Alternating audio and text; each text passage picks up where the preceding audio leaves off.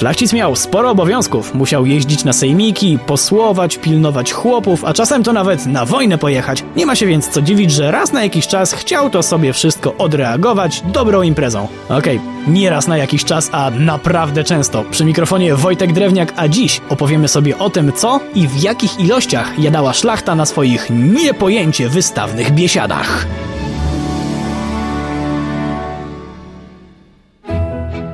Zanim przejdziemy do jedzenia, powiedzmy sobie o rzeczy mniej znanej, a dość moim zdaniem dziwnej. Otóż nasi przodkowie z jakiegoś powodu za rzecz niezbędną na imprezie uznawali obrus. Serio, nie było obrusa, nie było imprezy. Kiedy pewnego razu nasze poselstwo zjechało do Moskwy i zaproszono ich na ucztę przy nienakrytym stole, to nasi powiedzieli, że nie ma mowy i jakiś biedny sługa musiał biegać po mieście i kombinować obrus. Dopiero wtedy Polacy siedli do jedzenia. Jak już na stole był obrus, to następnie stawiano zastawę ale nie ten samochód, tylko naczynia. I tu pojawia się kolejna ciekawa sprawa, bo bardzo często bywało tak, że w koszty organizacji imprezy magnat musiał wliczyć dodatkowe mniej więcej 2,5 tysiąca złotych, czyli równowartość 8 porządnych koni na zakup nowej zastawy, bo poprzednią porozkradano na ostatnim balecie. Tak jest, to była plaga szlacheckich biesiad.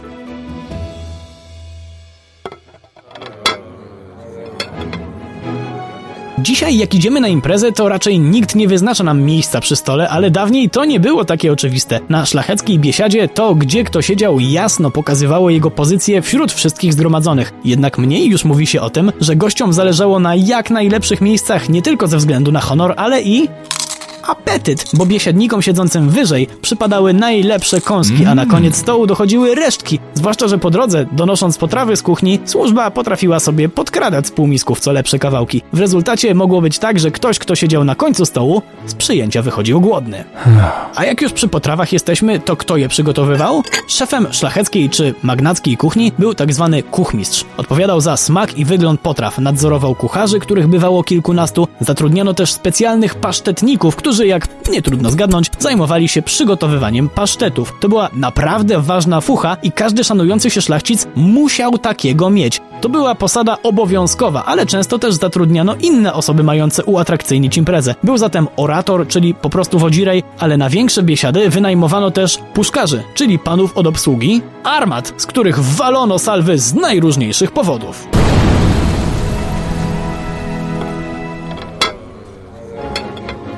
Okej, okay, przejdźmy teraz do tego, co jedzono, a tym bardziej ile. Bo wtedy, podobnie jak i dziś na niektórych imprezach, a zwłaszcza na weselach, panowała głupia zasada, że lepiej się narazić na szkodę niż na wstyd. Czyli po prostu robiono za dużo jedzenia tylko po to, żeby gospodarz mógł się pokazać i zaszpanować, ile to on może wydać kasy na tak zwane przeżarcie. Kiedy na przykład zapraszano 30 osób, to potraw powinno być minimum 12, w przypadku 100 gości co najmniej 25. Górnej granicy nie było. Przykład? Z radością.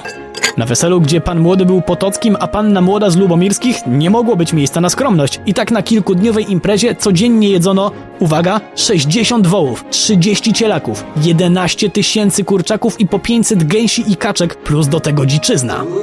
Ustaliliśmy zatem, że priorytetem na szlacheckich imprezach była ilość, ale to nie znaczy, że jedzono co popadnie. Jakość też była ważna. Szlachcice mieli słabość do zup, uwielbiali żurek, ale nie możemy też zapomnieć o tradycyjnej polskiej zupie z krwi gęsi, kaczki czy kury i która wystąpiła w Panu Tadeuszu. O czerninie. Nie brzmi to bardzo apetycznie, ale proszę mi wierzyć, że jest zaskakująco smaczna. Nasi przodkowie uwielbiali też sosy, ale to w zasadzie nie za bardzo się zmieniło, patrząc na to, jak długo niektórzy wybierają je do hot dogów na stacji. No ale okej, okay, to nie aż tak istotne, bo absolutnie ulubionym daniem naszych przodków był bigos. Miał tak ogromne znaczenie, że gość nie czuł się poważnie traktowany w domu, w którym w trakcie swojej wizyty nie dostał bigosu.